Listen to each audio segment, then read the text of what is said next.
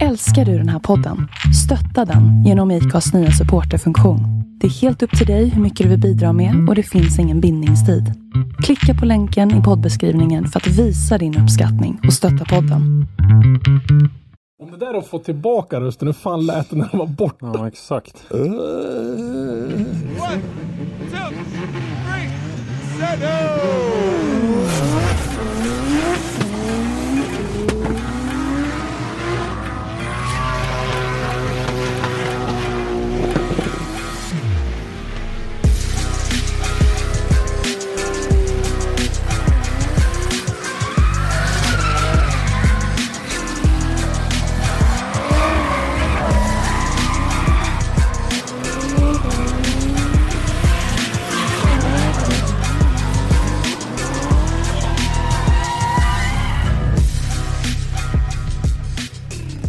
Vad lite frisk luft kan göra med rösten. Man får en sån här len och fin stämma.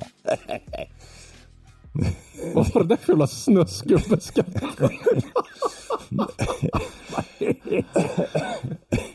Ja, det är det jag säger. Med min röst beror den här alltså. Ah. Välkomna till ett julavsnitt med Driftpodden med en kraxig Henrik Andersson. En eh, ganska normal till rösten i alla fall, Christer Hägglund. Och något jävla dampfall som sitter i andra änden, Robban Strandberg. eh, ja. Hur mår ni? Bra? Och bättre än dig kan jag säga. Ja, Ja, jo det gör som det gör låter. Ja. Ah, det är väl snart jul. Det är väl egentligen synd att klaga. Det är Ja, väl bara lite sådana saker i livet i övrigt som är lite udda som man måste försöka lösa. Ja, ja det, är- det är de här kaosgrejerna alltså. Ja, det, är, det är väl det som är liksom orsaken till att vi inte har poddat på en stund. Livet har ju en tendens till att ta lite svängar ibland som man måste göra någonting åt. Och då tänkte vi det, men, det händer ju inte så jävla mycket under, under off-säsongen. Sen började jag skriva lite stödord i ett manus. Jag vet inte hur många A4 jag är uppe i, 11-12 någonstans. Ja, ja. Nej, men det har ju varit lite. Vi har ju varit på en, en liten semester i, eh, ja, hemma hos våran mask. hos Kimpa. Jag har ju varit, Ja. varit på julbord där hos Kimpa. Kim Jong-Un bjöd in till Ja, precis. Och, Han var, ja, han var lite kryptisk där när han sa, men ni kan komma hit får ni se. Ja, men det var ju, det var ju ganska ballt att sladda runt där på, på torget där med de där. Jag vet inte fan var de fått. Han verkar ha en jävla massa Volvo 140. Undrar Ja, vart han har fått tag i dem ifrån. Jävla k- typ. Ja, men det var ju ett helt lager fullt. Ja, ja. Orörda grejer. Ja, men det var ju ganska ballt. Finns, Ja. eh, om ni vill fördjupa er ytterligare i vårt favoritämne om Nordkorea så finns det faktiskt en ganska intressant P3-dokumentär om eh, den amerikanska studenten som eh, reste dit över jul ett år och fick för sig att gå in på våningen på hotellet där man inte fick gå in Oh. och snodde med sig en tavla därifrån. Oj! Och han fick inte komma ut igen. Så att, nej, jag ska inte berätta för mycket ja. men eh, lyssna på den. Det är en fantastisk historia om ett, om ett land som faktiskt finns i verkligheten även fast man inte kan tro det. Och, och det finns just nu 2023. Det är, ja, det är, det är helt, helt ofattbart här. Ja, men alltså, det, det är liksom ett land som fortfarande lever kvar på 60-talet i, i utvecklingen och som är värsta är att de är liksom, deras ledare är ett jävla skämt. Det, det finns, alltså, Om den är mot all förmodan skulle du kunna tro att vi har några som helst sympatier med Nordkorea. Ja, det- Så sa ni helt till att börja med. Hej och välkommen för första gången till Driftpodden. Men eh, nej. Ja, nej. Ja, Nej, alltså dagens avsnitt då? ja, det vart ju en del. Ja, vi kan väl börja med att se tillbaks lite grann då på året som varit.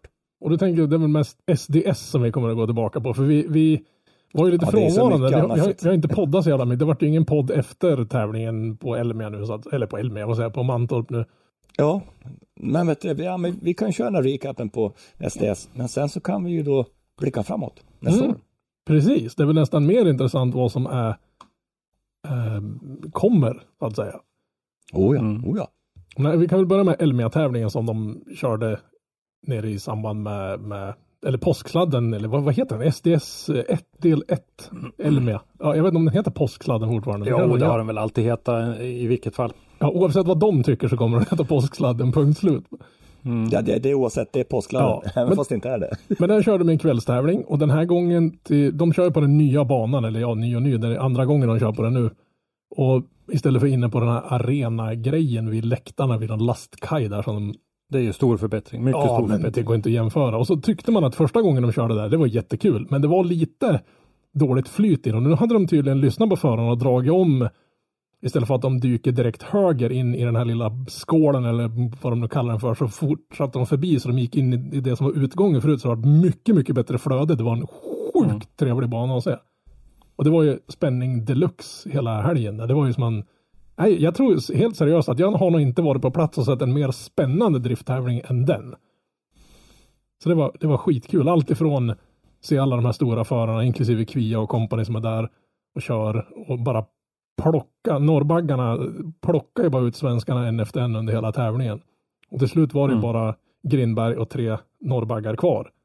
Och Grindberg då var det mot Syvertsson han Syvertsen han kraschade, eller Syvertsson gjorde en dirt drop och Grindberg gick av och slog ju sönder hela julpengen. Så man tänkte, ja ja, surt Grindberg, det gick jävligt bra, men ja, det var kul att det gick så här långt. Så får vi se hur det går. Sen bara hakdroppet från samtliga när, när man ser den där gula bilen stå där på finalen, platsen sen och hopskruvad. Så folket i depån gjorde ju ett makalöst jobb och hjälpa till att bygga ihop hans bil. Han bara städade bort allt sitt motstånd och den, den lille fan gick ju an där nere. Och det var ju, ja, det var så jävla spännande som man höll på att krypa ur skinnet. Ja, jag såg den där på, på liven ja, och eh, det var en riktigt bra tävling tyckte jag. Men, men man rycks ju med för han blir ju så jävla glad. Alltså det, det är svårt att inte känna för, för killen när man står där. Man hade ju tårar i ögonen när man såg hur jävla sjukt, sjukt lycklig han var över att vinna där nere. Det var ju Mm. asballt.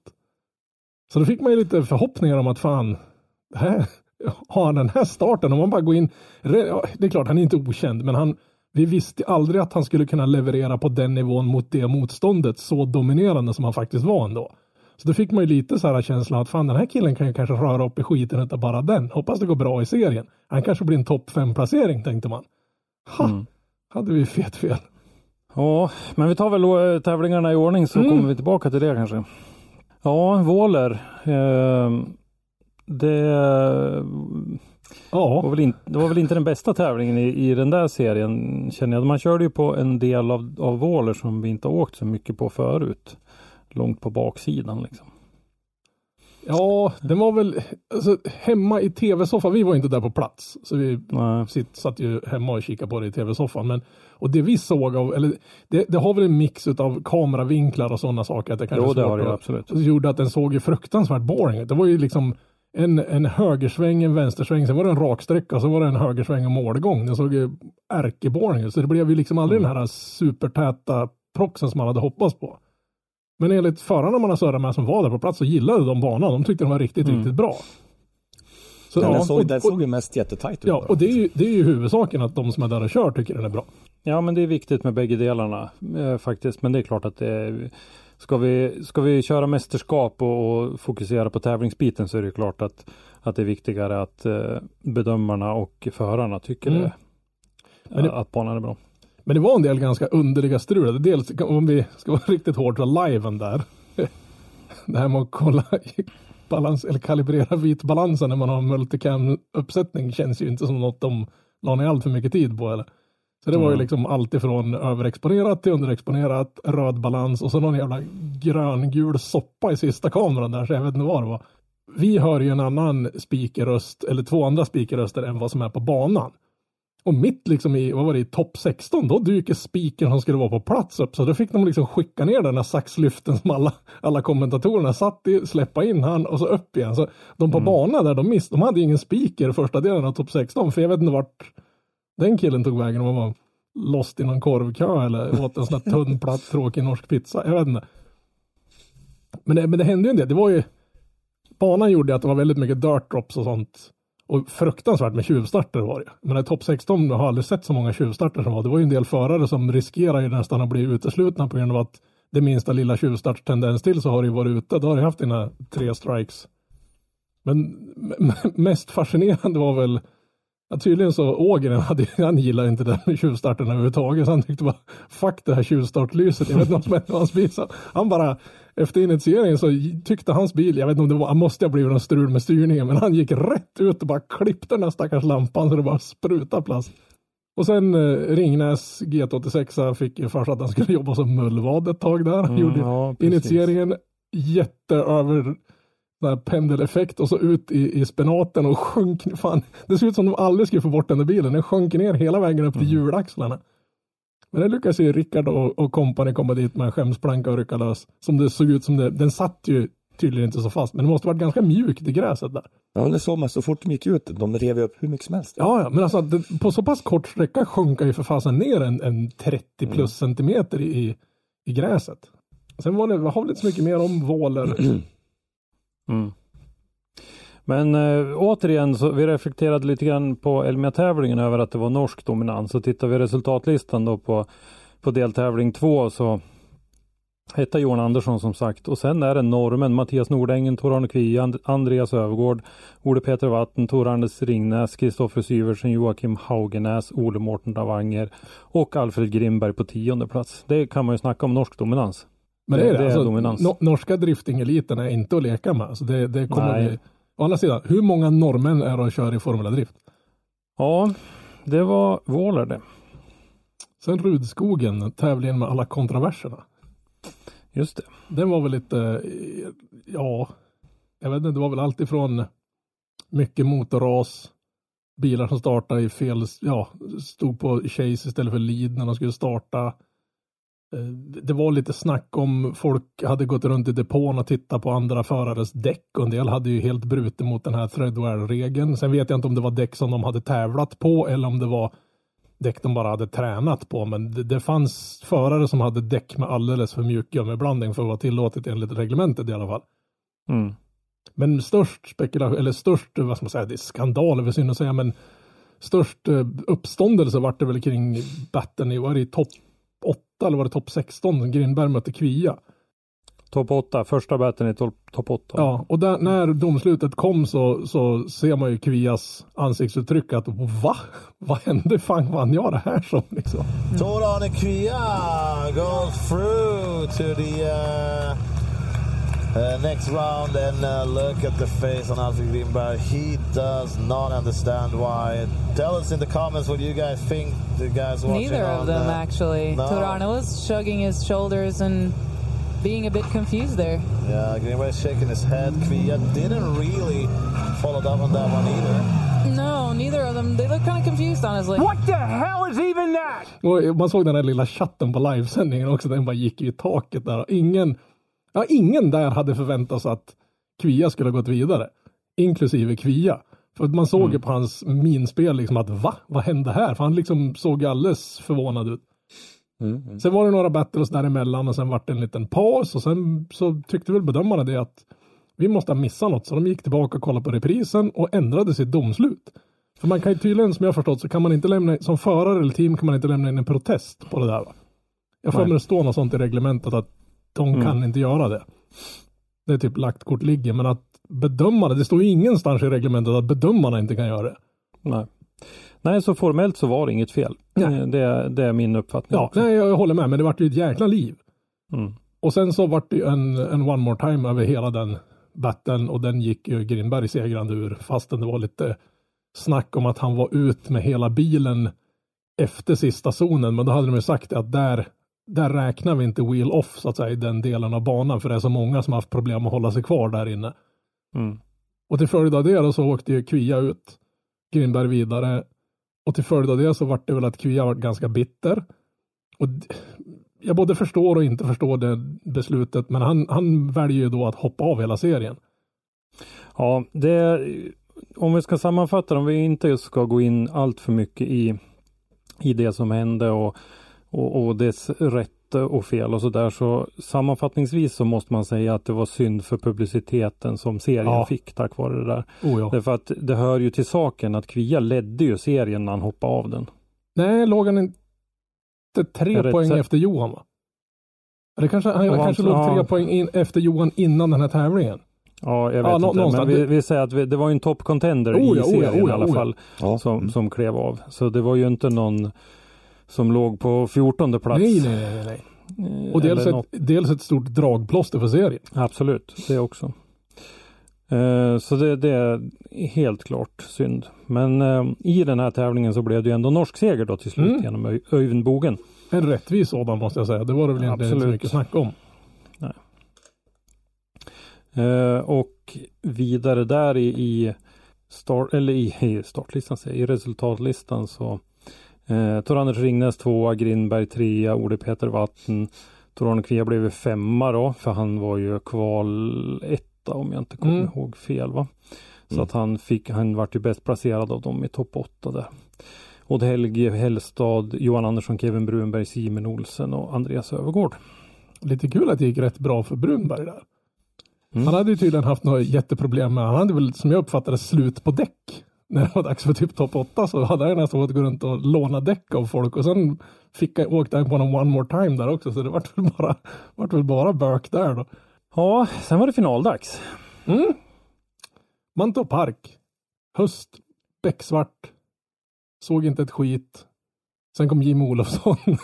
Ja, menar, var det ljus? Ja, men lite så var det. Det var, så roligt man, man såg det borta mot starten. Man behövde aldrig undra om Jim Olofsson var där eller inte. För, för man hade svetsblink i 20 minuter som man sett det.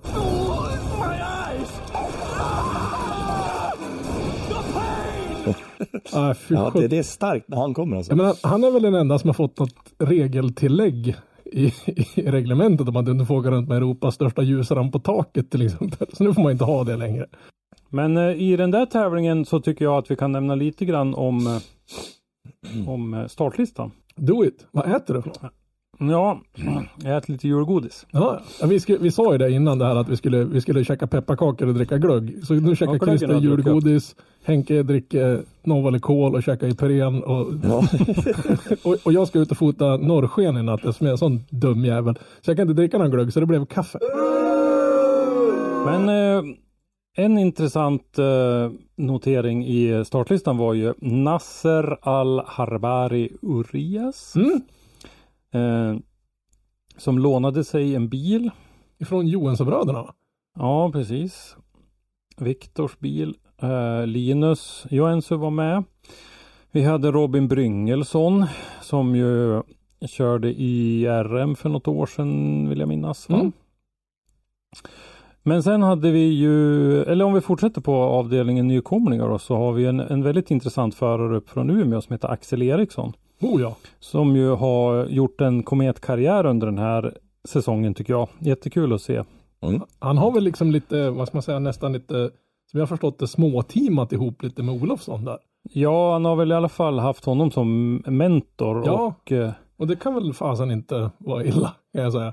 Nej, precis. Nej, men och det har gått jättebra för Axel. Han var ju med i SM-tävlingen också och körde bägge klasserna, både Mm. RM och SM i SM-tävlingen på Mittsverigebanan och fick ett wildcard till den här tävlingen då. Och sen tycker jag att vi dessutom då måste ju nämna David Skogsby. Ja, verkligen. Var ju också med som ju är gammal i gamet och som ju väldigt sällan gör en dålig tävling faktiskt. Var ju med ända upp i toppen in, in i det sista i i SM i SDS då eh, 2022. Men det är väl liksom bara varit mekaniska saker som har stoppat han från att liksom placera sig ganska bra i tävlingarna oftast.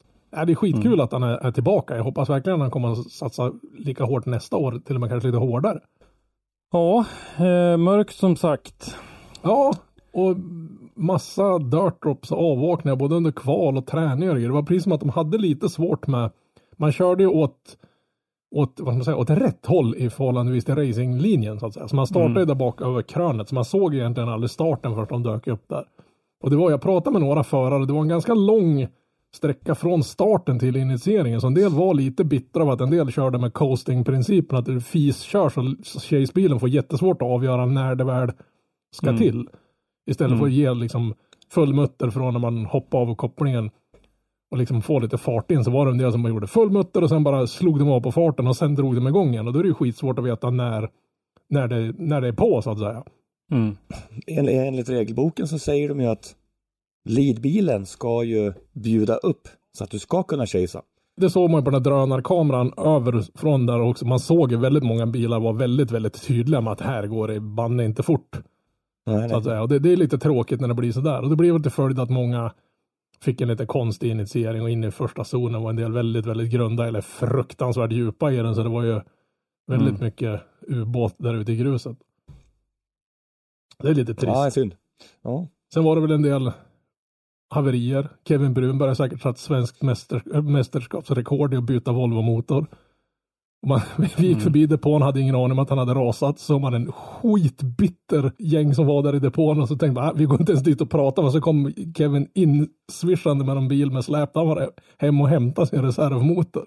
Inte så att han hade med sig det, utan den får han och hämta.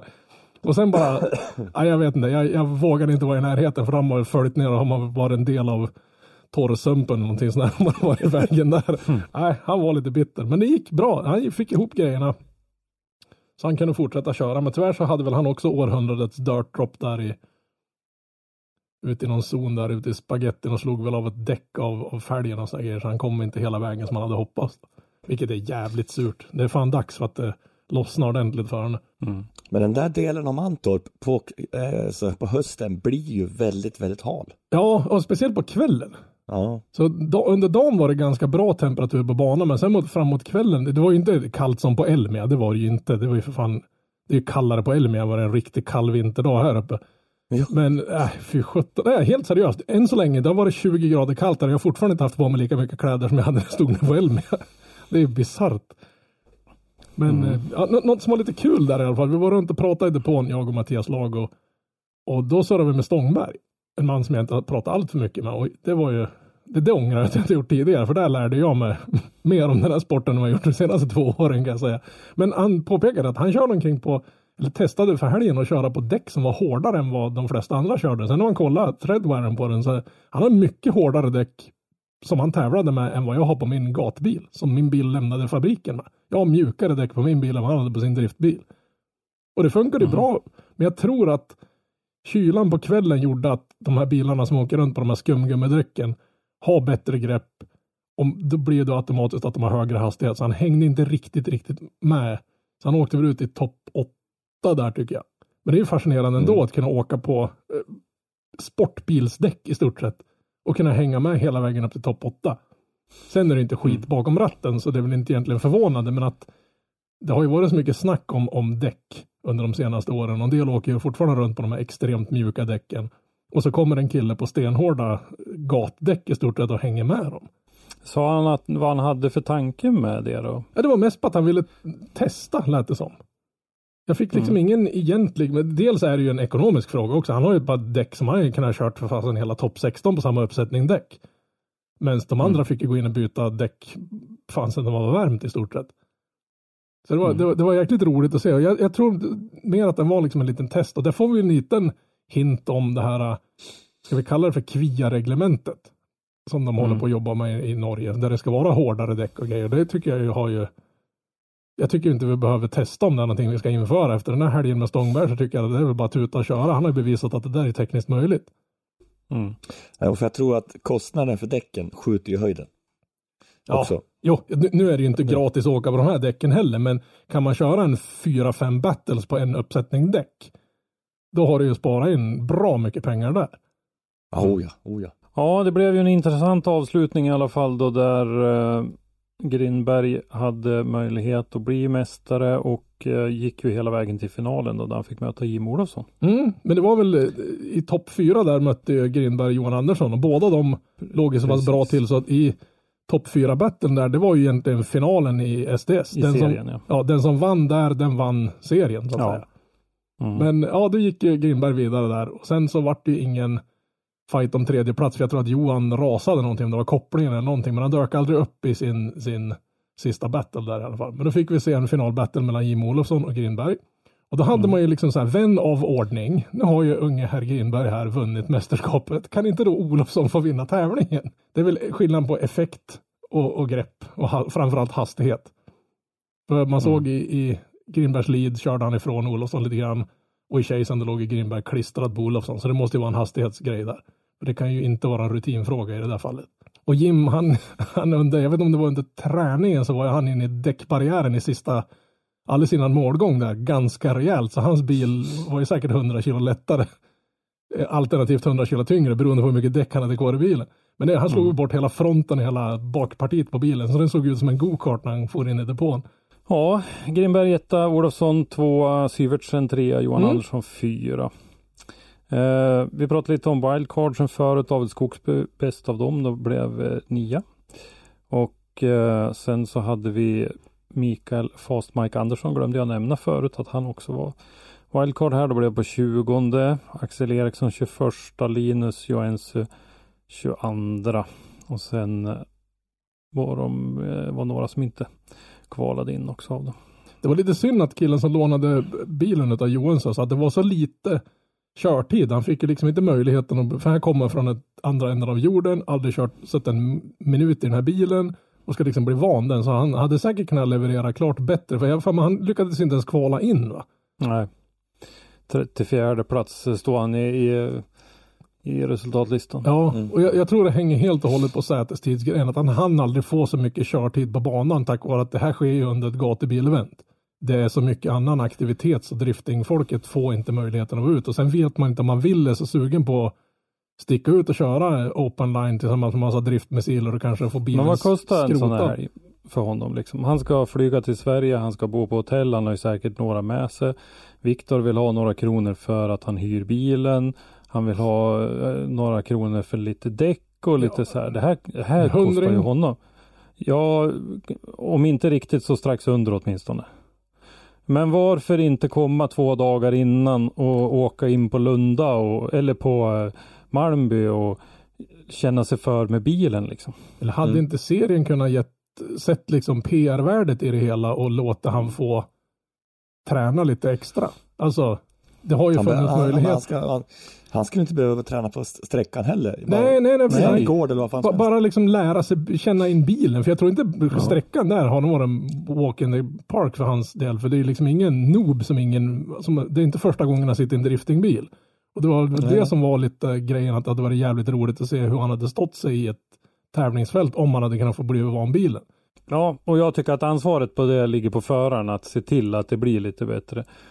Ja, det är surt som fasen i alla fall att han inte fick mer sätestid och möjligheten att kunna vara med mm. och fightas ordentligt. Men jag menar, det är bara att kolla på James Dean med, med eh, Forden mm. det här året. Men jag tror inte det hänger på att han inte haft möjlighet att träna. Nej, nej, men där ser man att jo, alltså, det är kan... inte bara sätta sig och köra. Ja, nej, verkligen mm. inte. Ja. Ja, det var STS 2023 det. Jättekul för eh, Alfred Grimberg tycker jag. Eh, det är ju en sån där som man känner lite extra för eftersom vi har sett honom hela tiden. Från mm. att han körde sin första tävling på Mantorp, där första gången han körde Twin överhuvudtaget när han var med i RM det året då. Det är så jävla roligt. Jag tycker det är jävligt roligt att veta. Haha, den här killen har jag sett från den första tävlingen jag körde. För det är den enda jag kan göra det. Jag kom in mm. mycket senare än alla andra. ja, det är kul faktiskt. Och jag tycker han eh, han är, han, är, han är seriös och han är otroligt eh, ödmjuk och trevlig och sådär och vi vet att han jobbar lite grann med coaching, eh, kör mycket sim, eh, kör lite vinterträning med isbil och vid, så här. Så att det, är, det är en seriös satsning på, på framtiden. Tror du det blir ett, ett eh, nu när det inte blir något SDS nästa år, tror ni att det blir DMEC för hans del? Ja. Svårt att säga. Jag skulle säga så här att eh, jag skulle gärna se honom prova sig fram med något wildcard i någon tävling. Mm. Helt klart. Det är ett ganska stort steg att ta om man tittar på hela den här biten runt omkring med, med ekonomi och logistik och hela det där biten. Ja, speciellt i år så lär ju bara transportkostnaderna kosta vansinne. Ja. Vi kommer väl till DMX, och, men det är ju Ja, det är tufft. Och det är ju en jäkla Den kalendern är tuff i år. Eller så. Ja, men jag, för jag gjorde någon sån här, hade tråkigt på jobbet, så här mycket ungefär dra en transportbil så här långt där om man ska utgå ifrån Jönköping och köra till varje tävling och hem igen. Så var det mm. väl typ så här 80 plus tusen i bara bränsle för transportbilen dit och tillbaka. Och sen mm. går det ju att ligga och köra en loop så att säga. Men det vart inte så jäkla mycket billigare ärligt talat. Det var det som var så skumt. Jag tror det skilde typ 10 000 spänn eller något sånt här om du ska åka till första deltävlingen, sova över där, åka till andra deltävlingen, sova över där och så vidare. Förr eller senare lär man ju väl åka hem och byta något. Då blir det som han, eh, din favorit norrmannen, Enver Haskasap. Ja, han hade ju en kille som for runt när han körde Drift GP. Han bara körde, kom två och en halv vecka innan tävlingen till eh, Gröndal och kampa på parkeringen där liksom. Tog fram spritköket. Och... Det är fan hardcore det. Ja, vi har väl alla sett om vi ska gå in lite grann på 2024 då så har vi väl alla som lyssnar på den här podden har väl kanske hängt med i att det kommer inte att bli något SDS då under 2024. Det har Gatubil gått ut och meddelat. Mm. Så vi frågade Gatubil med Marcus Stenmark och Matilda Svensson eh, lite grann om vad som kommer att hända. Och då fick vi ett svar som lyder så här. Det är sorgligt och tråkigt att se att vi inte kommer att köra något STS under 2024 men vi ser tillbaka på säsongen 2023 med stor glädje och vi är extremt stolta över det som hela SDS crew och alla team som har kört har levererat till skandinavisk drifting. Vi hade ett stort startfält från hela Norden och även USA som under fyra deltävlingar kämpade om pallplaceringar och det var en väldigt tight battle ända in mot slutet av finalen. Alla fyra deltävlingar hade sina speciella utmaningar som vi var förberedda på och en hel del som vi inte fullt ut hade räknat med. Men så är det alltid med event och tävlingar. De två säsongerna innan denna drev vi i samma gäng det svenska mästerskapet och vi vill härmed passa på att tacka alla förare och team som kört under vår regi, alla sponsorer som hängt med och stöttat oss i detta, alla som har följt oss både från läktaren och hemma i soffa och alla i hela crew som har lagt ner all ledig tid och all energi på detta. Tack!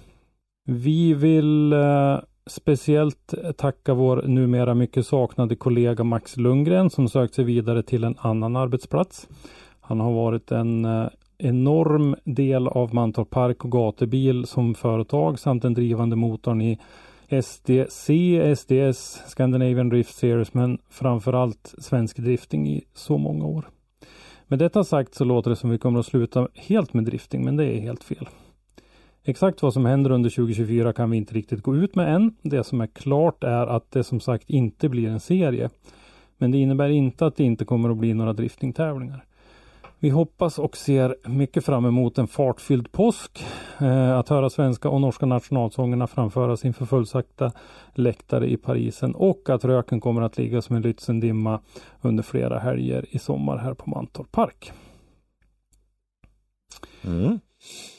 Ja, eh, det här med eh, Max Lundgrens avhopp kommer vi väl fram till lite senare. Det var en egen punkt i. Mm.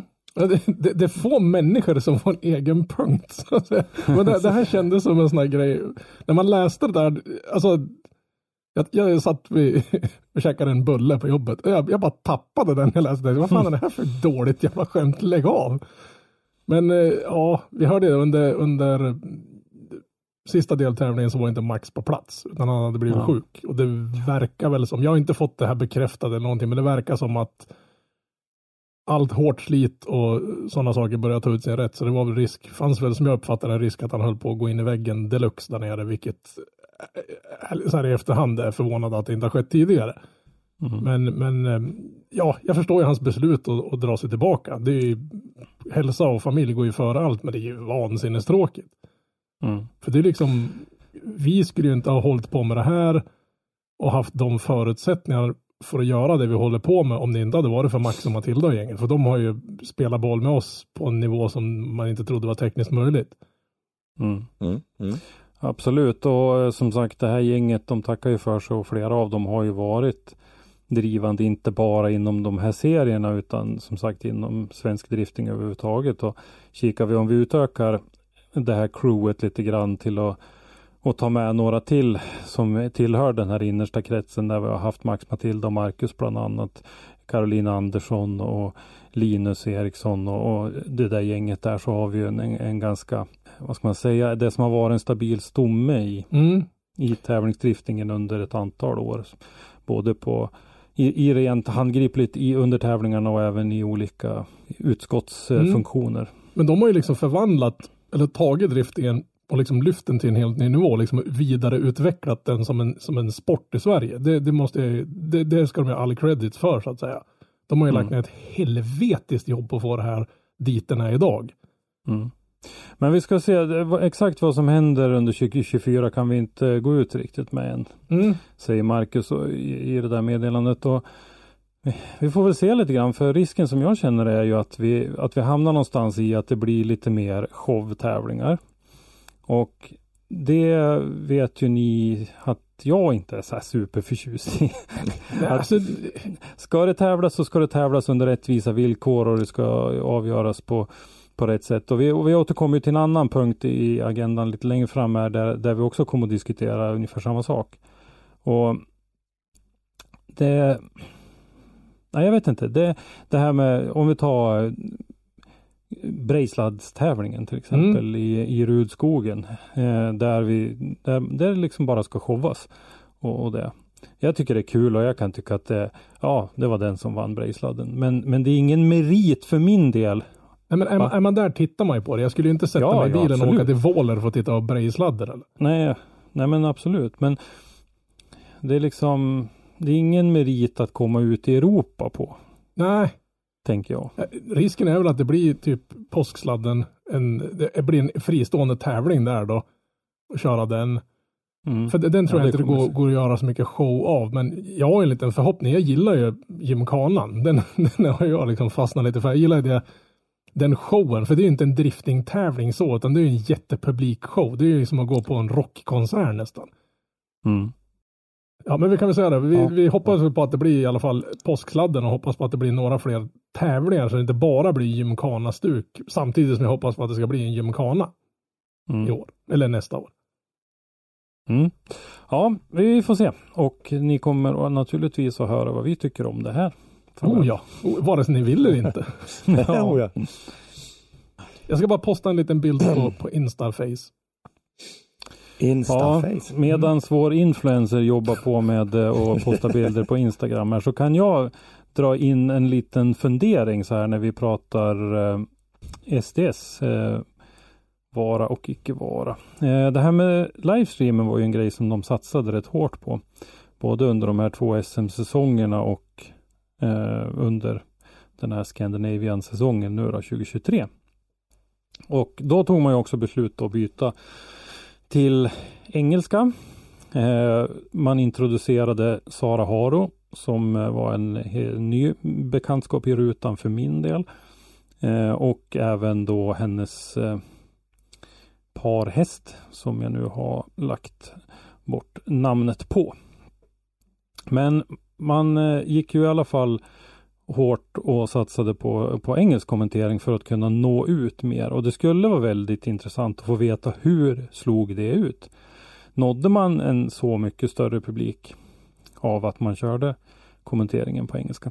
Jag vet inte hur stor utländsk publik det var, men man såg alltid i, i de livestreamar man kollade så poppade det alltid upp någon ifrån typ eh, Ja. Irland, Island, Absolut. Australien hade vi till och med tittare ifrån.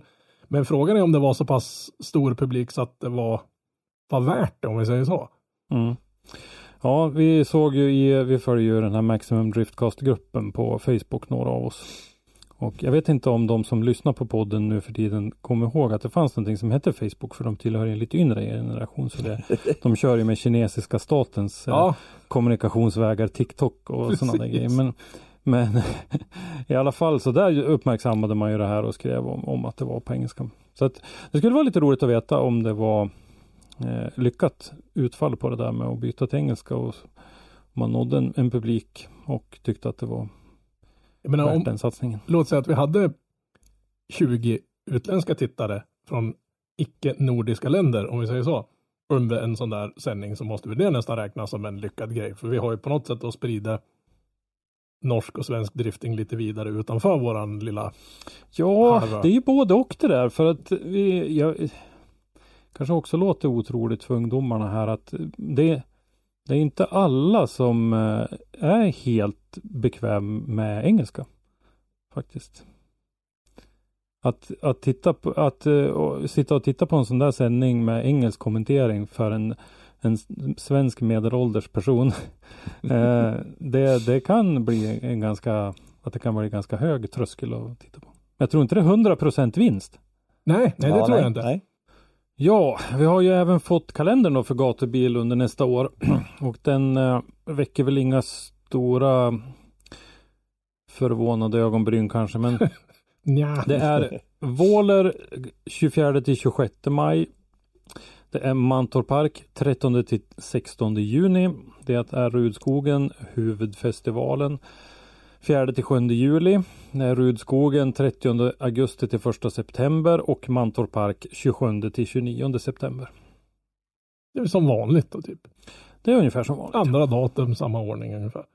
Kan tänkas att Våler faktiskt är någon veck, vecka drygt lite senare. Jag för mig den brukar vara 15 till 18 maj ish. Så det kan vara lite senare där. Men annars så verkar det ungefär som vanligt. Ja, sen då? Sen går vi nog in på DMEC 2024 tycker jag. Tioårsjubileum. Tioårsjubileum och en, en kalender som ja, den tog ju tre Ja. kliv till. Den sög lite. Om man, om man är svennebanan så sög den lite grann. Men ja, ni kanske fattar, inget Sverige med på kalendern i år.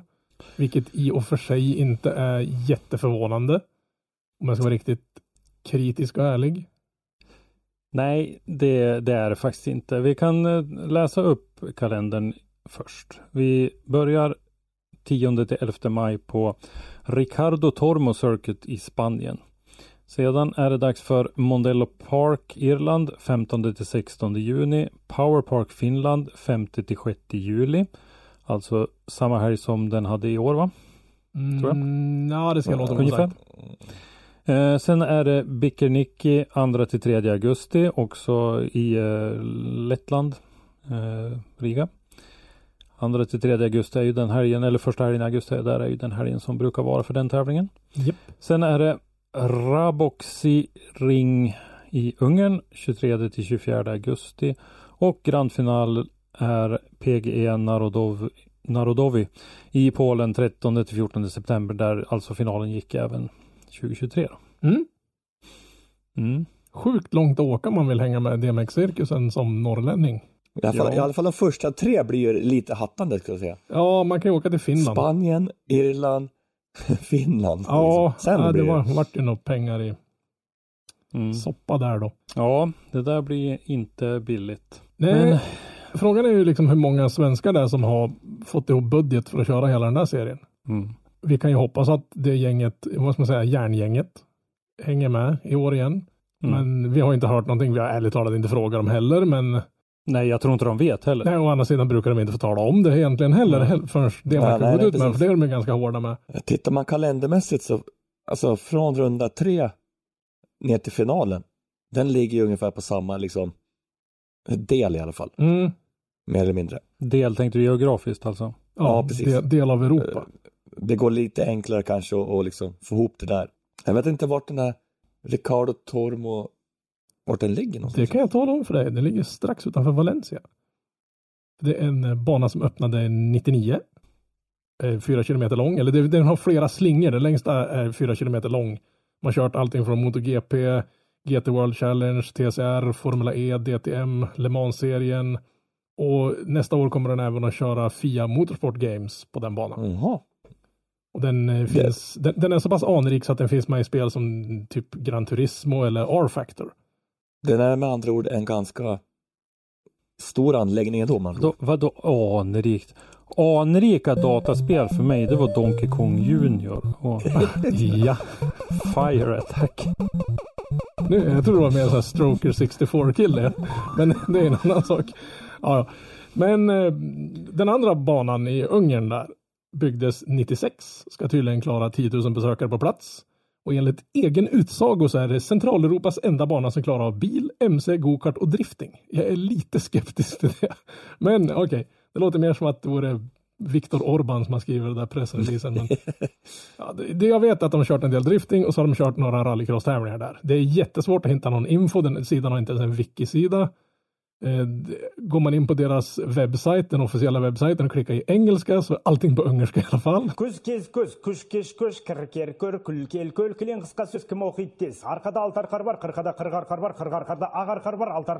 Så man fick köra någon Google Translate och konstatera att nej men, nej men historia och banan, det skiter vi Vi har funnits sedan 96 men vi tänker inte berätta vad vi har gjort tidigare. Om jag inte helt ute och jiddrar, har inte Demek varit på någon av de här banorna tidigare? Maria Pox hette den i Ungern som de körde på 2018 där Ja, Olofsson körde heltid bland annat. Ja, men var, det, har de inte varit i Spanien och kört också tidigare? Jo, Undrar om inte det kanske har varit på den här banan då? eller? Eller har de det? Det ska jag låta vara osagt faktiskt. Frankrike var ju. Så mycket har jag men- inte grottat i det där. Ja, ja. Nej, men det där blir nog säkert eh, bra på sitt sätt. Men ska, vi, vi måste prata lite om det här med Sverige-tävlingen. Vi, Mm. vi var för dåliga att ställa upp helt enkelt. Det var för lite publik. Ja, Jag var där båda gångerna. Så, Ja, jag också. ja, så, Men- så, jag tänker inte ta någon skuld i det. Nej, men det var för lite publik och, och där kan man tycka vad man vill. Vi, det är en, en sjukt fin anläggning. Den eh, har en otrolig potential på alla sätt och vis. Men den ligger så långt norrut att de flesta som bor söderut inte åker dit. Och jag vet att det är lika långt till Fällfors för många sörlänningar som det är för många norrlänningar att åka till, till Mantorp Park. Men det är bara att inse fakta det, att riktningen spelar roll.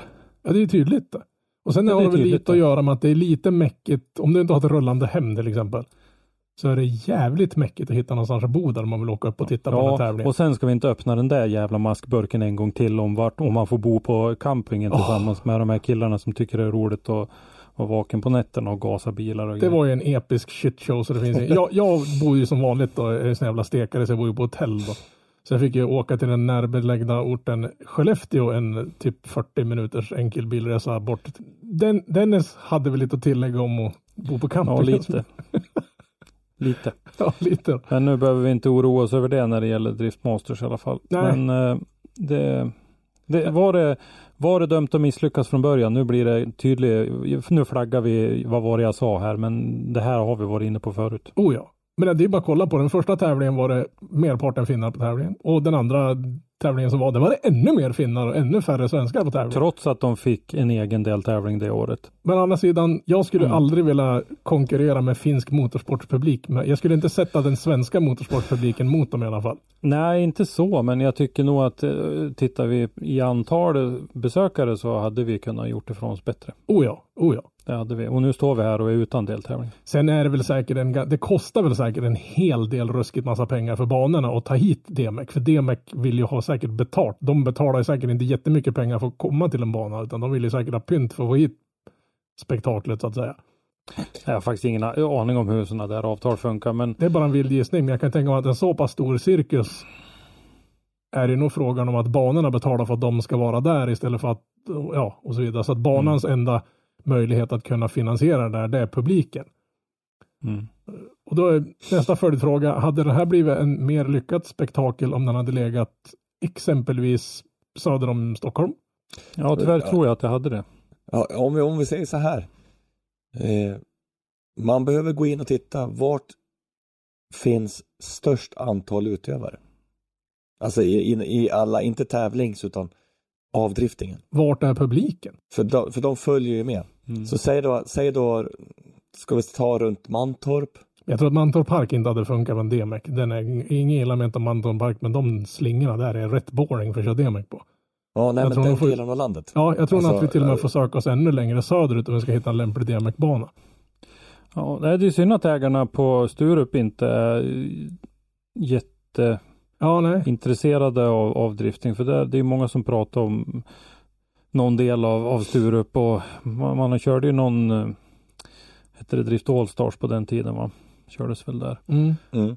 Eh, så att det, det hade ju kunnat vara ett alternativ och då har man ju även Köpenhamn. Vi vet ju att danskarna är ju helt svältfödda på, på driftingtävlingar. Ja, Så nu får vi åka båt över till andra sidan och gå på cirkus. Eller gå på tivoli tänkte jag säga, men vi vill se DMEC. du hade ju gjort en liten sammanställning av eh, tidigare mästare. Ja, jag satt där och hade lite tricks och tänkte bara, vilka är det som har vunnit den här serien egentligen? Och i fjol, 23, vann ju Connor Shanahan. Vilket var ju, en, det, det var dags helt enkelt. Mm. För sen har det varit 22, 21, Piotr Winsek. 19, eller 2020 då vann ju den här SARS-CoV-2-föraren. Det var ett jävla asshole han gillade inte överhuvudtaget. Så då vart det ingen. Så egentligen har DMEC inte haft tio års tävlande. De har, det tionde året blir det nionde året de tävlar. Ja. Eh, 19-18 James Dean. 2017 Adam Selewski. Och sen var det 16-15 Piotr Winsek igen. Sen var det 2014 var ganska svårt att få fram vilken det är. Det finns väldigt lite dokumenterat om det. Det är långt före min tid. Men någonstans inom reptilhjärnan någonstans så vill jag säga David Karkosik. Men jag tänker inte sätta några pengar emot det. Och jag för mig Mm. att den tävlingen var väl mera en polsk tävling, om jag inte är helt ute och cykla. Och jag tror att det Ja. året var i stort sett bara en tävling. Ja, drift, ja det, en serie har Var- det var det en varit. Det heter ju? Driftmasters GP. Ja, Och Mm. det var ju väldig övervikt för polska Mm. förare fram till och med 1970. Nej, 1970. 1970, ja, med. Nej men till och med 2017 när Adam Zalewski vann så var det ju det. Så det var ju i och med 2018 så om, omsatsningen, nysatsningen där 2018 som det blev en, som det bytte namn till European Championship och eh, blev eh, lite, lite mera satsade på att Mm. bli ett eh, europeiskt mästerskap. Så DMEC är egentligen en polsk historia. Som de här Ja, irländarna har tagit över. Nej, det är ju fortfarande en, eh, en eh, polack som är Ja, president och, Ah, och sådär. Sådär. Det, han är ju någon vice, David Egan är väl någon vice vd eller något. Mm. Ja, nej, så det, nu är det väl dags att det är några fler som kliver in här. För Dean kommer ju troligtvis inte att köra DMEC i år, även om det är tekniskt möjligt att köra både Formula Drift och DMEC. Det är väl en tävling, det är Spanien och vilken var det den krockade med? Det är eh, Atlanta är det väl den krockar med. Ja, precis. Ja, Ja. precis. Ja. Ja, vi kommer till den punkten lite senare, men som de här irländska killarna som har fått blivit god, antagna till Formula Drift skulle ju tekniskt sett kunna köra både och. Mm. Om de nu skulle vilja. Och framförallt om man nu kan finansiera den grejen. Ja, Ja, den, den känns ju lite... Det gäller att ha en djup plånbok. Mm. Vi har ju liksom inga namn på DMX-förare som kommer att köra i år eller nästa år. För de brukar ju hålla på det ganska hårt. mm. Så det enda vi egentligen vill ha det är banorna och sen är det väl öppet att boka biljetter redan nu tror jag det var till många ja tävlingar. det är det. Vad har vi mer för funderingar på DMX mer än att det kommer att vara dyrt att åka till dem så att säga? Vilka svenskar hoppas vi på? Ja, du.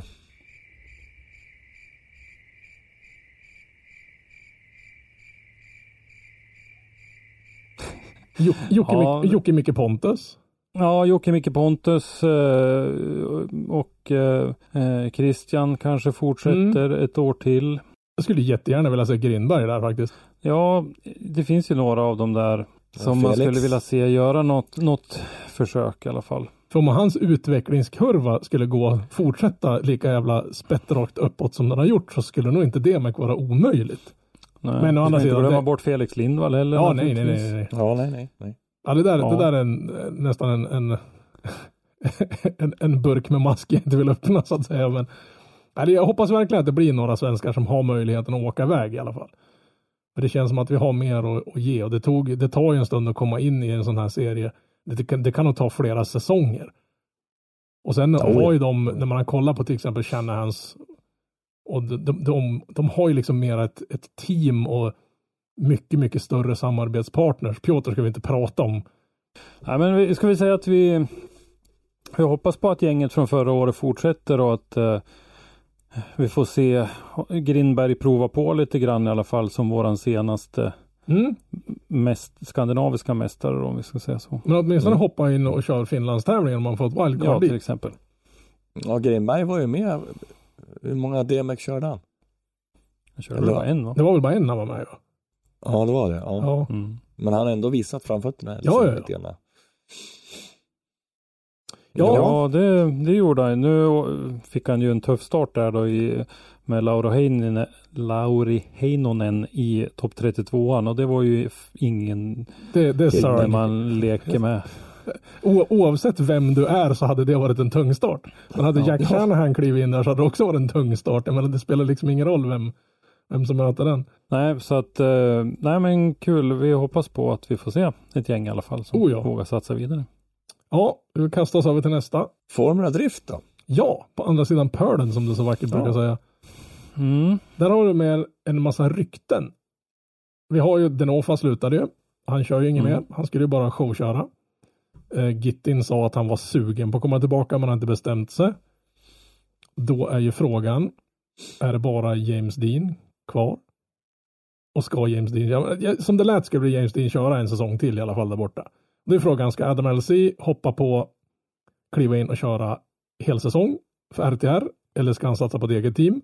Ben Hobson fanns med i ryktesspiralen där. Han flyttade upp ett pinnhål till pro. Lämna teamet som han körde med som var Audis team, han var väl deras, vad heter det, förare Den tredje bilen. Men Audi har sagt att de tänker inte släppa in, ha tre provbilar. Så då blir problemet för Ben Hobson att byta team då. Eller ryktet är ju att Jack Shanahan, eftersom han fanns med på den här approved-listan, ska han köra? Ska han köra för RTR? Det här är liksom så här spekulations-VM deluxe. Men var det Jack? Nej, eh, sorry, Connor, Connor, Connor. Ja, Connor. Ja. Mm. Ja, ja det, det är lite, lite, jag hajar till där för att, ja du har ju Connor Shanahan, står med i listan. Men inte Jack Shanahan. Nej, Den här listan är över approved förare, alltså förare som har fått godkänt från DMEC att anmäla sig Från. FT. Ja, eller ja, från, från FD att anmäla sig. Det är Ja. ingen som har det är inte så att den här listan är de, det är inte startlistan helt enkelt, utan det är Nej, de nej, som nej, har fått, fått grönt ljus att köra. Det är inte säkert att Jack hade gått ut där för hans sociala medier bokstavligt talat exploderade när folk såg hans namn där. Han gick ut och dementerade och skrev väl eh, han måste ja, bekräfta att han har blivit antagen att få köra den här serien. Det är inte klart på något sätt att han tänker göra det. Han tänker primärt satsa på DMEC. Och sen får vi se om det går, om det finns möjligheten att. Ja. Det kan ju vara så att han får en skitstart i DMEC. Det vet man inte. Han kan ju ligga på dyngsist efter tre deltävlingar. Då kanske han väljer att åka iväg och köra FD istället. Men vi har väl med, det var väl Bugsy vart väl också med på approved-listan va? Mm. Så jag menar, det vore ju, men att slänga in två till irländare i RTR vore ju- eller ja, Bugsy är väl inte irländare, eller? Nej, han är Britt. Ja. Men slänga in eh, det gänget hos RTR vore väl ganska elakt. Jag tror ju det att om nu Connor och de skulle sticka över och köra, att de gärna vill ha ett, ett GT86 chassi som de har hållit på och kört länge. Och det har ju varit, Mm. man har ju sett lite på Jacks sociala medier att han bygger en tredje bil. Men den är ju inte en, DM, eller en FD-bil, utan de ska ju ha en förare som jag för mitt liv inte kommer ihåg vad han heter. Fionn Roche har du skrivit i. Så heter han. Så det kan bli halvkul, för den killen har ju liksom hängt med dem där länge och det var, de sprang väl på, eller såg väl hur stor talang han hade i, i serien han körde. Mm. Så de var inne och sponsrade honom och har väl stöttat honom. Jag vet inte om de, han har kört för deras team, alltså om det är deras bygge som han har kört omkring med. Men nu kommer han ju få en egen GT86 att köra. Så det ska bli lite ballt att se om, det- om det bara är Shanahan namnet eller om det är hela konstellationen och liksom verksamheten runt omkring. Och det är väl ganska fränt att det blir mer och mer teamtänk även i, i den där serien. Det ska bli intressant, han, han säger ju också det i kommentaren, Conor Shanahan, att, att han, han bekräftar ju att de kommer ju att försöka sig på en full DMEC säsong, Ja, är i primära. Men det, de har ju lämnat saker öppet utifall att. Ja. det var, det var ju kul att se att, att eh, alla norrmännen är kvar på approved-listan. Alltså det är inte någon som har hoppat Mm. av. Nu tror inte jag att någonsin att Simon Olsson skulle hoppa av med tanke på hur det gick förra året. Jag hävdar ju fortfarande att nästa års Formula Drift är en kamp om vem som kommer två efter Simon Olsson. Ja, there I said it. Ja, nej, men, ja, nej, men alltså som, som, så jävla bra som det gick för han i fjol. Mm. För nu när han liksom verkligen blivit van den här bilen, de har fått perfekt setup. Både han och Audi gjorde ju ett jättekliv i fjol. Vi har lite, vi har lite norska intervjuavsnitt att göra känner jag. Ja, verkligen. Vi har, Tor-Arne Kvia har redan lovat att vara med och det hänger på mig att det inte har blivit gjort än. Men eh, vi skulle även behöva ta ett snack, eller vill höver ta ett snack med Simon Oh, ja. Olsen också. En, han han ligger nog fan etta på min vill prata med-lista i, i podden.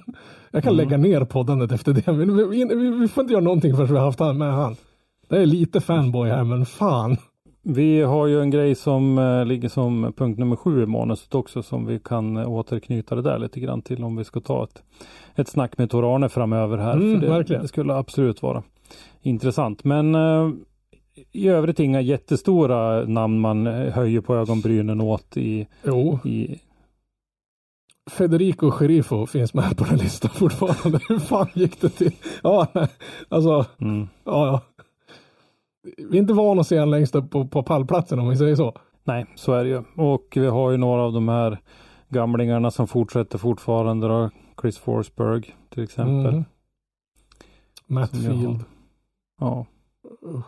Alltså det, var, det var någon som hade postat någon kommentar där om att, om att men det är så synd att det inte finns så mycket kvinnor med i, i, i Formula Drift. Och då tyckte jag bara, ah men ni har ju Matt Field, räcker inte Så, med, så, så, så, så Robban. det räcker inte med en Men ja, folk verkar kliva in i Formula Drift och där växer de fast tills de gör en Denofa och tycker, ah fuck it, jag vill gå och göra någonting annat istället.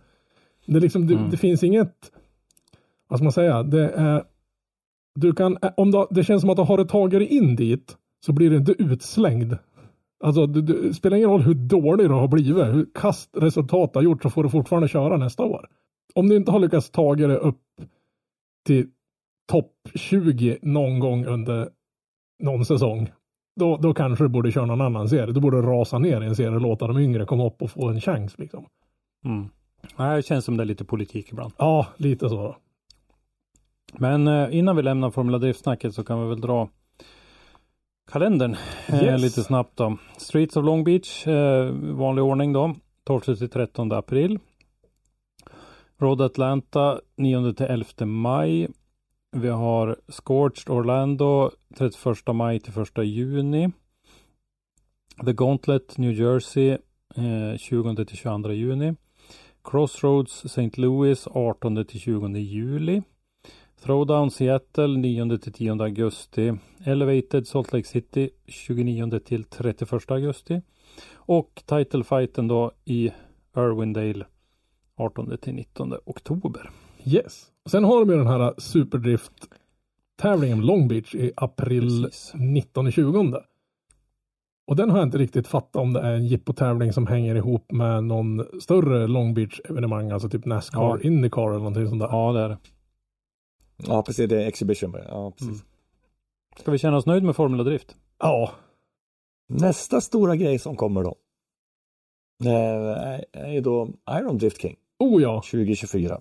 Och de har ju gått ut med nästan samma statement som, som Formula Drift gjorde i fjol om att nu ska vi göra det absolut största bästa som har hänt i hela världen grejen.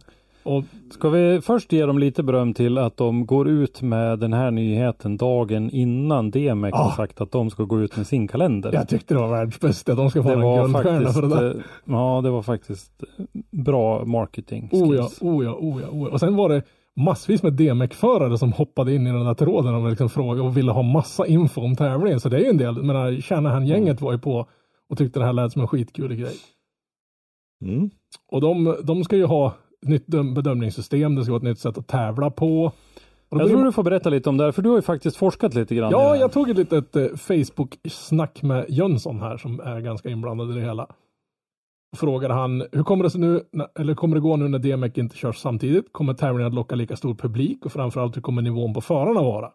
Och då svarade han det att först och främst alla ändringar har gjorts på grund av att de vill göra någonting som främjar både teamen, fansen och sponsorsamarbeten. Vi ser det som en naturlig lösning och få, gå, få driftingen långlivad som en sport. Så kommer de även att försöka göra en större interaktion mellan fansen och, och teamen så att säga. Och det största är väl egentligen, vi får kapa ner det här för han hade väldigt mycket att säga. Det, det största grejen kommer vara det att det kommer att vara 64 platser i tävlingen. Det kommer inte vara så de släpper in 69 eller 75 utan kvalet kommer att vara för de här 64 kommer att gå, vara i form av att folk hemma vid datorerna ska kunna rösta och folk, publiken på plats ska kunna rösta på förare och det är det som blir kvalordningen. Vilket är en liten halvintressant eh, lösning på det hela. Vad, vad tycker ni om den? Mm. Att det inte är ett regelrätt kval utan det är vi som bestämmer vem som, den som får helt sonika, den som får mest röster blir kvaletta. Oj vad tyst ni var. Ja, ja, ja, jag, jag vet inte riktigt vad jag ska känna för det faktiskt.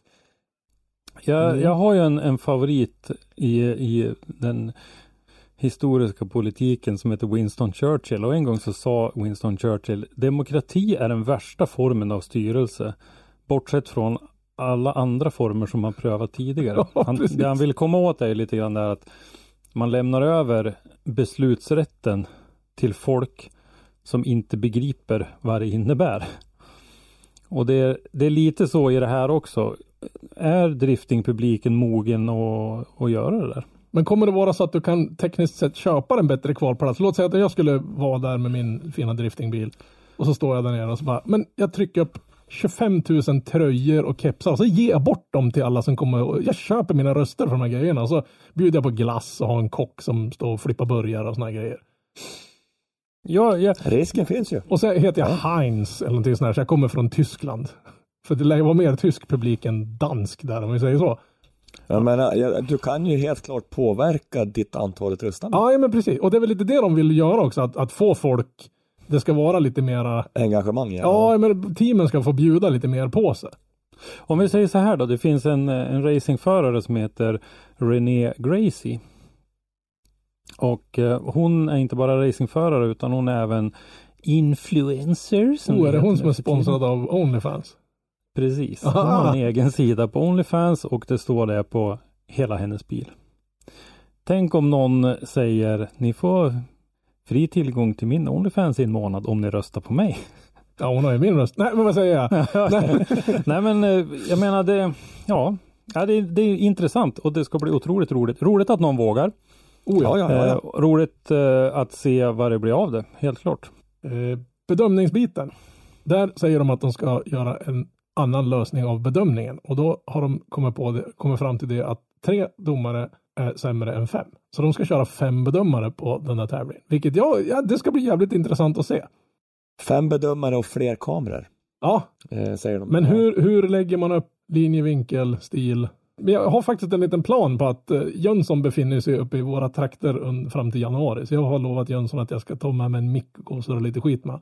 Så då får vi grotta ner lite djupare i det här, bland annat det här. Och sen vill jag höra lite mer. Vi behöver röra om lite skit i driftingen så jag tänkte ta med Jönsson. Det känns som en ganska bra brandfackla att slänga in i den här världen just nu. I love it.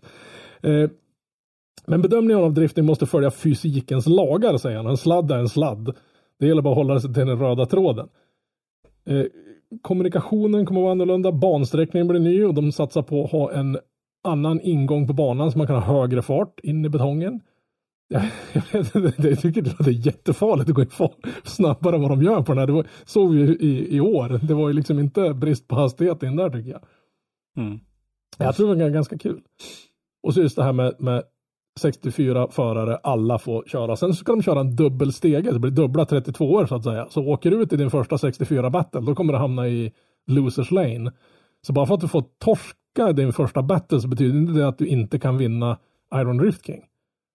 Så det kommer bli mycket körning. Vilket är lite ballt. Trä- och så, träningen kommer bli totalt sju timmar på antal åk. Så det blir ungefär 22 åk per förare under helgen. Det är mycket. Det är jättemycket. Eh, och det har de löst. Då tänkte jag bara, ja men blir inte det här fruktansvärt dyrt i däck? Men då håller de på att jaga en däcksponsor till serien. Och ingenting av det där är klart. Det här är nog kanske en sak som de får kämpa ganska hårt med. Men jag hoppas verkligen, verkligen att det här kommer genomföras. Och då verkar det som att förarna kommer bara behöva bekosta sina egna träningsdäck. Resten kommer tävlingen att stå, alltså dina tävlingsdäck kommer att ingå i liksom din startavgift så att säga. Tanken är väl att däckmärken kommer att drafta förarna alltså så att du, du får vad ska man säga, ett litet sponsorskontrakt med ett däckmärke under den här Iron Drift Kingen. Men som sagt vi kommer göra en, en lite längre podd med Jönsson om det här bara för att gå till botten med det. Jag brukar vara skeptisk till förändring, men jag tror det här kan vara en ganska kul jippo. Jag, som sagt jag gillar ju gymkanan. Jag tror att det här är lite rätt tänk. Det blir mer körtid. Mm. Det kanske inte blir lika många kända eh, toppnamnsförare som vi är vana att se. Sidan är det inte så många DMX-förare som är med och kör Iron Drift King. Nej, det har det väl inte varit. Det ska vara roligt att veta vad de har för anmälningsavgift också. Om det Mm. blir dyrare. Och det är ju halvt bra med, med prispengar. Det är ju 50 000 euro i total prispott och väldigt, väldigt mycket mer show runt omkring med för publiken som är på plats. Så de tänker ju nästan mer förvandla det här till ett publikspektakel än en renodlad tävlingshelg så att säga. Jag tror det blir jag tror det kan bli, som publik tror jag det kan vara en roligare upplevelse än att åka ner och titta på en vanlig Iron Drift King sen tidigare. Om man inte är, är krister och bara vill se på regelrätt tävlingsdrifting. Ja men, ja, men det, det, det, det låter ju mer gymkana. Ja, Tänk. fast ja, alltså showmässigt. Det kommer inte vara en gymkana-tävling med, Nej, poängkorvar sju timmar, vi, nu, det lär ju kompletteras med lite festival och, och Ja, grejer ja. runt omkring eftersom Oh ja, oh ja. det finns ju ingen som sitter på arslet och sju timmar och tittar på. Ja, Jag, jag, jag, jag frågade där om de kommer att visa träningen, men det, det fick jag inte riktigt något svar på. Men målet kanske är att visa så mycket som möjligt. Mm. Ja, ja det ska bli kul att ta, ett- ta ett han om, om det här. För Mm. allt det här är ju inte spikat än, men mycket av det är klart. Sen hade de ju en, är det Maximum Driftcast, tror jag det är. Nej, det var någon podd. Gud, nu kommer jag inte ihåg. I alla fall, om man går in och söker på Iron Drift King så finns det ett poddavsnitt på deras YouTube-kanal med en av männen bakom Iron Drift King som sitter och förklarar liksom tänket i hela den här serien. Så Så den tycker jag ni ska gå in och kika på. Ja, ska vi prata lite grann om slutet på en era kanske? Ja, ja det får man väl kalla det. Det är ju... Mm. Fan tänkte han där? Ja, nej det vi pratar om nu då är ju som sagt att Max Lundgren slutar på Mantorp Park. You what? Och eh, det här kom ju ut för ett par veckor sedan. Att Max skulle sluta sin anställning och eh, han skriver själv då att han efter 13 år ska börja nya äventyr inom idrott. Mm. Och det där väckte väl en del spekulationer och funderingar från Ja, lite det- olika håll. Kan man väl lugnt påstå. Det var väl allt ifrån knatteskutt på Ekorrens förskola, golfinstruktör gissade en del på. Jag satsade på att han skulle vara massör för det legendariska svenska damlandslaget i volleyboll. Eller att han skulle gräva upp åkern mittemot Mantorp Park och öppna en paddelhall. Men, in, mer paddelhallar till folket. men nu har vi då lyckats, jag kunde bara inte helt hålla mig utan jag bara skrev nu får det fan, jag, jag klarar inte av det här längre, du måste tala om vad du ska göra. Och som det kanske inte många vet, men Max har även ett förflutet inom tvåhjulig sport med trampor på, det vill säga cykel. Så i framtiden kommer Max att jobba som projektledare för Vätternrundan. Och sen vet jag inte om han tror att det blir så jävla mycket lugnare än att rodda runt driftingcirkusen. Jag tror inte han, jag tror han har hoppat i galen tunna där, för det här är ju inte en litet spektakel. Äh, Vätternrundan är ju enorm. ja, fast det är, inte, det är inte en tävling, det är en motionscykel. Ja, ja. Men eh, ja, jag hoppas att det, det, det inte kommer att ta knäcken på han helt. För Jag tror att det kommer att vara en... Det är ett jäkla projekt helt enkelt. Men jag tror faktiskt att är det någon som roddar och får ordning på Vätternrundan så är det Max. Jag är inte dugg tvivlande till det. Man blir liksom... Ja, Motorsport-Sverige får helt sonika vara avundsjuk på Cykelsverige nu när de har fått, när de har fått ärva Max helt enkelt. Ja. Och det är ju lite som vi nämnde tidigare när vi pratade om SDS då att Max har ju varit med väldigt länge inom driftingen och har ju jobbat på Mantorp Park och var ju med de här tidiga försöken på gatubil med, med drifting och det här. Och, och eh, tog ju sen också över eh, utskottet och de var ju eh, var de tre, fyra stycken som eh, tyckte att driftingutskottet inte skötte sitt arbete på ett bra sätt och eh, han var en av dem som klev in och tog över då och satt ju som ordförande under några år bland annat. Så att eh, det är ju naturligtvis är det ju så att han lämnar ett, ett tomrum efter sig. Det är väl inte tu tal om det. Det kommer liksom att saknas någon när man åker ner på Mantorp Park. Ja, vi får väl passa på också och säga ett hjärtligt tack till Max för allting Oh ja. som eh, han har ställt upp med för oss i media under åren här. Och eh, det, det har sällan suttit fast när vi har bett om saker och ting utan det har eh, gjorts åtskilliga timmar för att eh, försöka lösa saker som vi har, har velat haft det. Så att eh, nej, det kommer att vara saknad helt klart. Vi vet ju att eh, han har ju lärt upp ett gäng. eh, Vi, vi vet ju eh, Marcus och Matilda pratade vi om eh, tidigare här bland annat som ju är inne och jobbar på, på Mantorp och, och har ju varit engagerade på många sätt. Så att vi- visst finns det ju folk som tar över men det, det, det är stora skor att fylla i alla fall. Oh ja. Men vi måste nästan göra en liten sån här eh, Memory Lane avsnitt med Max. Mm. För det är inte Det bara liksom drifting han har hållit på med där nere utan det är Nej. massa annat. Så liksom nu, Ja. nu när han inte har så mycket ansvar så, så han har säkert en del gott att komma med. Alltså mycket Ja. smaskens att berätta som man inte kunnat sagt tidigare.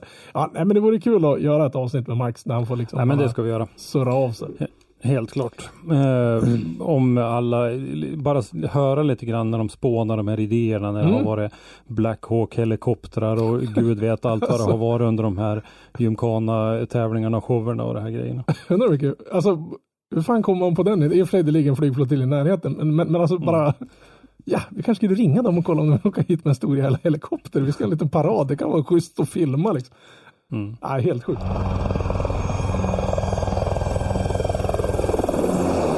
Men då, ja, vi kan väl hoppa in på NDC då, eller Norwegian Drift Series Yes. Championship.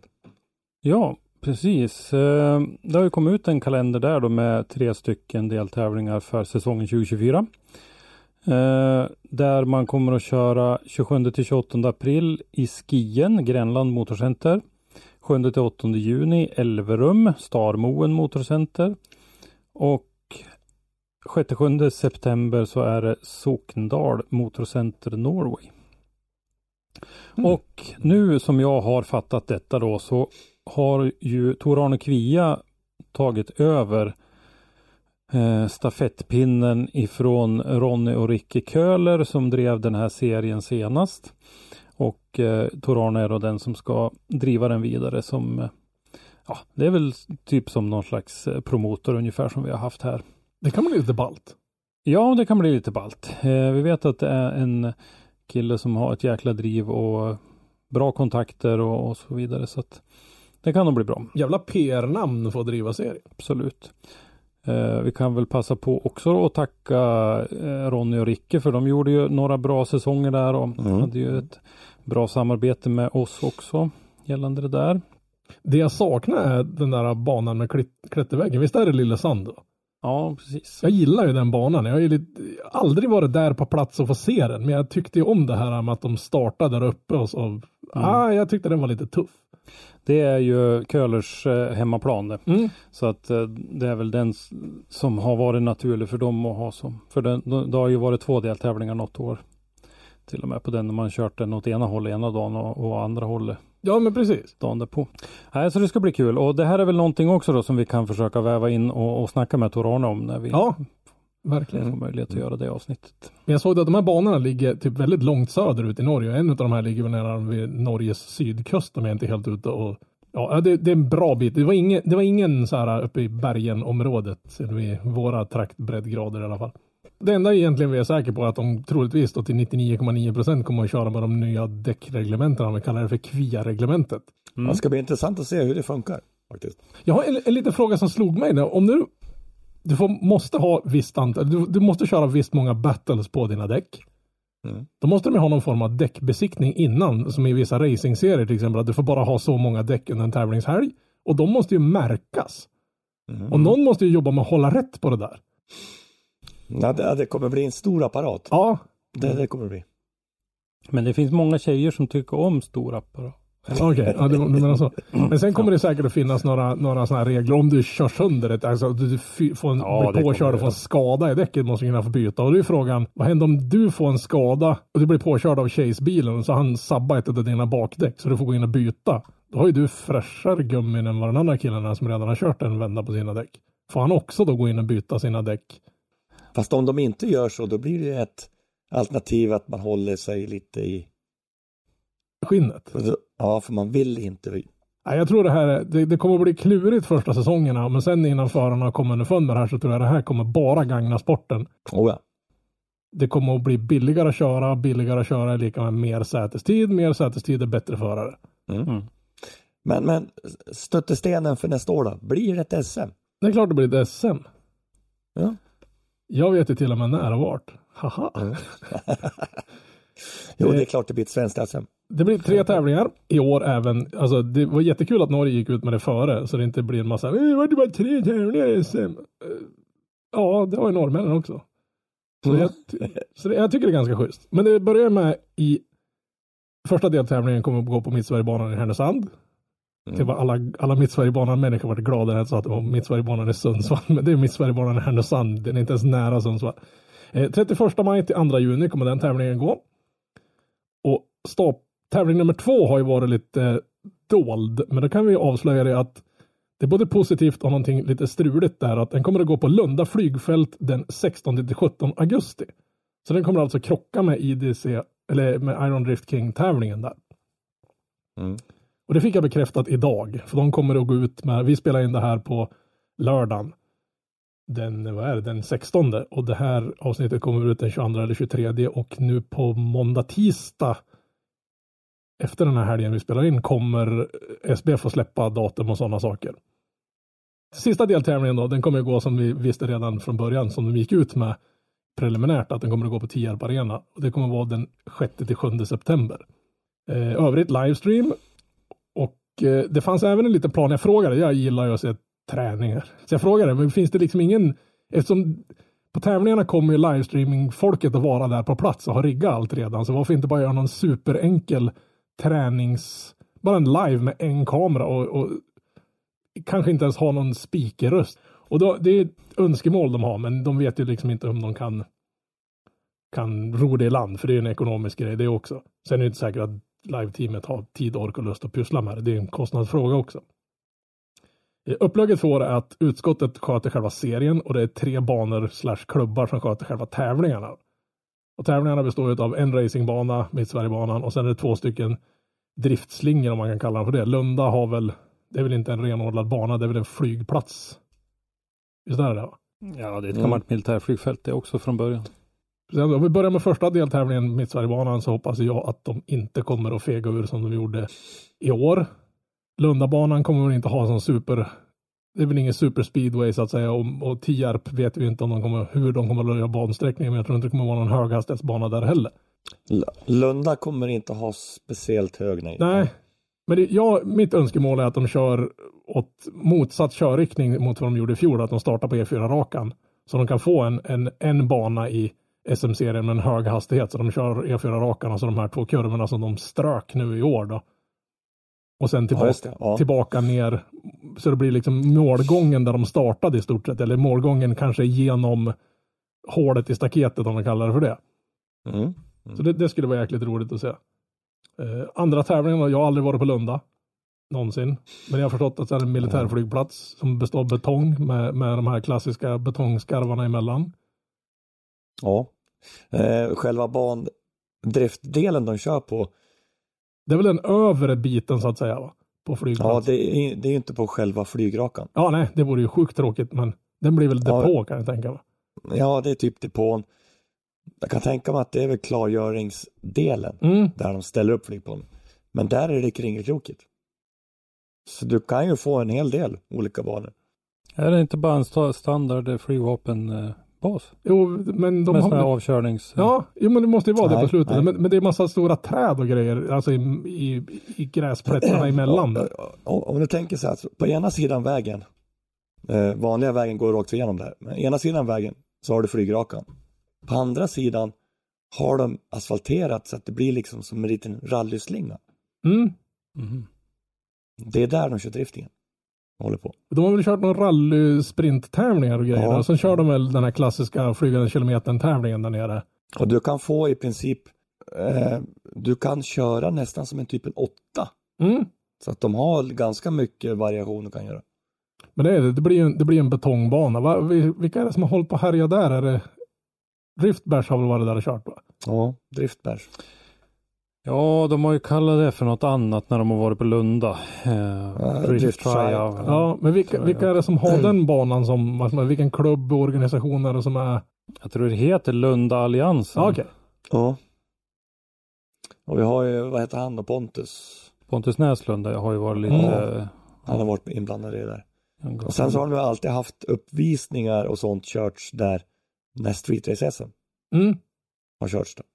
Jag vet inte hur mycket, de har lagt, hur mycket pengar de har lagt ner på att liksom släta ut det. De har inte gjort som Sundsvall Raceway, plöjt ner miljontals kronor för att bygga en schysst driftingslinga på en, en liknande sån här lösning. Jag vet inte ens om det är betong, hör du. Ja, vissa bitar är nog betong. Det är klart, de, de kan asfaltera över sen, sen de klippen jag såg. Men eh, nu fick vi ett foto av Christer här, så vi måste gå och titta på. Eh, paus i podden tänkte jag säga, men Det där är liksom den nordöstra delen av eh, banområdet. Det finns ju Ja, liknande precis. längre ner. Ja men visst måste det bli den här övre delen att köra. Jag var lite förvånad Mm. att det går liksom en bilväg tvärs genom hela området där. Mm, jo, men det, det, den går mitt igenom. Men hur är liksom faciliteterna runt omkring där? För jag menar Mittsverigebanan är en renodlad racingbana. Tierp är ju en jättearena som kan svälja mer publik än vad Sverige har i motorsportsväg. Lunda är en camping. Alltså om vi ska jämföra faciliteter. Mm. För det ligger ju lite avsides ute på, på vischan som alla andra militärflygplatser gör. Ja, jag, jag tror de brukar dra dit sådana här eh, portabla toaletter, eh, korvvagn. Ja, men jag tror inte de har några fasta byggnader där just nu. Liksom, så. Ja, nej. Nej, som sagt, jag, jag har aldrig varit där så det ska bli ganska spännande att åka ner dit och kika faktiskt. Eh, sista deltävlingen då på Tierp. 6 till 7 september. Det blir en bit in på hösten tänkte jag säga, men det är liksom de ska köra på den anrika dragracing-anläggningen där bland annat i 2024 kommer det köra två stycken deltävlingar i FIA European Drag Racing Championships.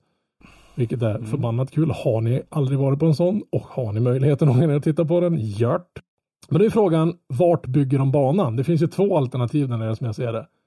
Så du har ju någon liten, eh, asfaltslingerloop-grej på, på, om man står på startrakan på strippen så en typ halvvägs ner för strippen på höger sida så finns det ju någonting som ser ut som påminner lite grann om, om loopen på Lunda. Vad tror ni, blir det en betongdjungel? Alla de här gat citybanorna vi har kört tidigare i SDS? Eller kör de där borta på, på loopen? Jag, jag tror de kommer att köra på de här looparna. Ja. det är en jäkla fina, fin anläggning i övrigt så att säga. Bra utrymmen, liksom, allt ifrån toaletter till, till pressmöjligheter och Mm. Ja, för där ligger ju också så här, liksom lite off. Men det är ju alla de här gamla flygvapenanläggningarna gör ju det av en anledning. Och sen tror jag inte de skulle få köra Top Fuel, typ i någon citybana. Det lever ju om ganska rejält kan jag säga. Tyst! Jag ser på TV! Det spelar ingen roll hur länge man håller på med det. Man hoppar till när de sticker. För det, det, det är inte ett motormuller, det är en explosion och så det du skulle försöka fota det är typ 250 meter bakom dig när du ens fattar vad som hände. Först så tänker du så här, ja men det var inte så farligt när de har gjort burnouten. Men det är bara det att den gör de ju på eh, metanol oftast. Och sen byter de till nitro. Det finns ingenting på den här jorden som kan jämföra med det. Det går inte att beskriva, man måste uppleva det. Sen du har upplevt det, den enda tanke efter det är hur fan lyckas jag uppleva det här igen? Liksom. Ja, men det är brutalt alltså. Ja.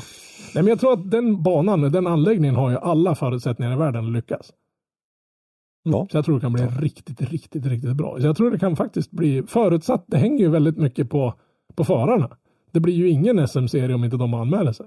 Nej, så är det ju alltid. Det är obligatorisk närvaro från samtliga som äger en driftingbil i Sverige att anmäla sig. Och det är ju bara att knata in på SPFs webb på driftingsektionen så hittar du info om hur du ska anmäla det. Och jag förutsätter att de har dragit ett mail till sina prospekt. Man har väl alltid förare man gärna vill ha med i en serie. Att de har mejlat och kontaktat dem. Och bjudit in dem så att säga. Nu finns det ju inte en högre serie heller i närheten, förutom DMAC då. Ja, du får ju sticka iväg till, jag vet inte om du kan köra någon serie i Polen eller om de har om NES eller om de kommer att köra någon serie. Du kan ju åka SM i Finland. Ja, jo, jo, jo. Och det är inte bara SM utan det är RM och junior-SM också i det här ska vi tillägga. Så att det inte är några förvirringar. För jag såg att det hade varit lite spekulationer när de kallar det för bara drifting-SM. Det är ju alla tre klasserna så att säga. Mm, ja, Men det kommer väl att framgå i grafikerna som, som kommer ut i alla fall. eh. Ja, Ja, det blev ett långt avsnitt där. Ja, risken är att det här blir två. Jag vet inte hur långa filer vi kan lägga upp. Sen får vi väl hoppas att vi får möjlighet att återkomma lite mer regelbundet framöver här. Men Mm. vi har ju lite planer på avsnitt vi skulle ha velat gjort i alla fall. Precis. Men det blir väl under vintersäsongen. Nu är det lite stiltje också. Det är väl bättre att komma ut med några kvasivettiga avsnitt än att spotta ut något dygn en gång i veckan så att säga. Mm. Så ni får hålla er till tåls. ja. Men eh, ja, ska jag gå och värma upp min, eh, min fina stämma igen då? Men eh, om inte annat då så får ni ha det så bra så hörs vi nästa gång. Ja, Ja. hoppas på att du har kryat på det till dess. Ja, En riktigt eh, god jul och ett riktigt gott nytt år till eh, er och alla våra lyssnare. Oh ja, oh Ja, ja detsamma. Det tycker vi. Och med det så säger vi bara hej då. Hej då! Tack för att du har lyssnat. Lyssna gärna på våra tidigare avsnitt och glöm inte att ge oss betyg i din podcastapp. Har du ett ämne eller en gäst som du vill att vi tar med i Driftpodden så skicka oss ett meddelande på Driftpoddens eller Motorsportmagasinets sociala medier. Eller skicka ett mejl till oss på driftpodden gmail.com. I dagens avsnitt har du hört Henrik Andersson, Christer Hägglund och Robban Strandberg. Ljudpåläggning och slutmix Robban Strandberg. Driftpodden produceras i samarbete med Motorsportmagasinet och Powerslide Media AB och produktionsåret var 2023.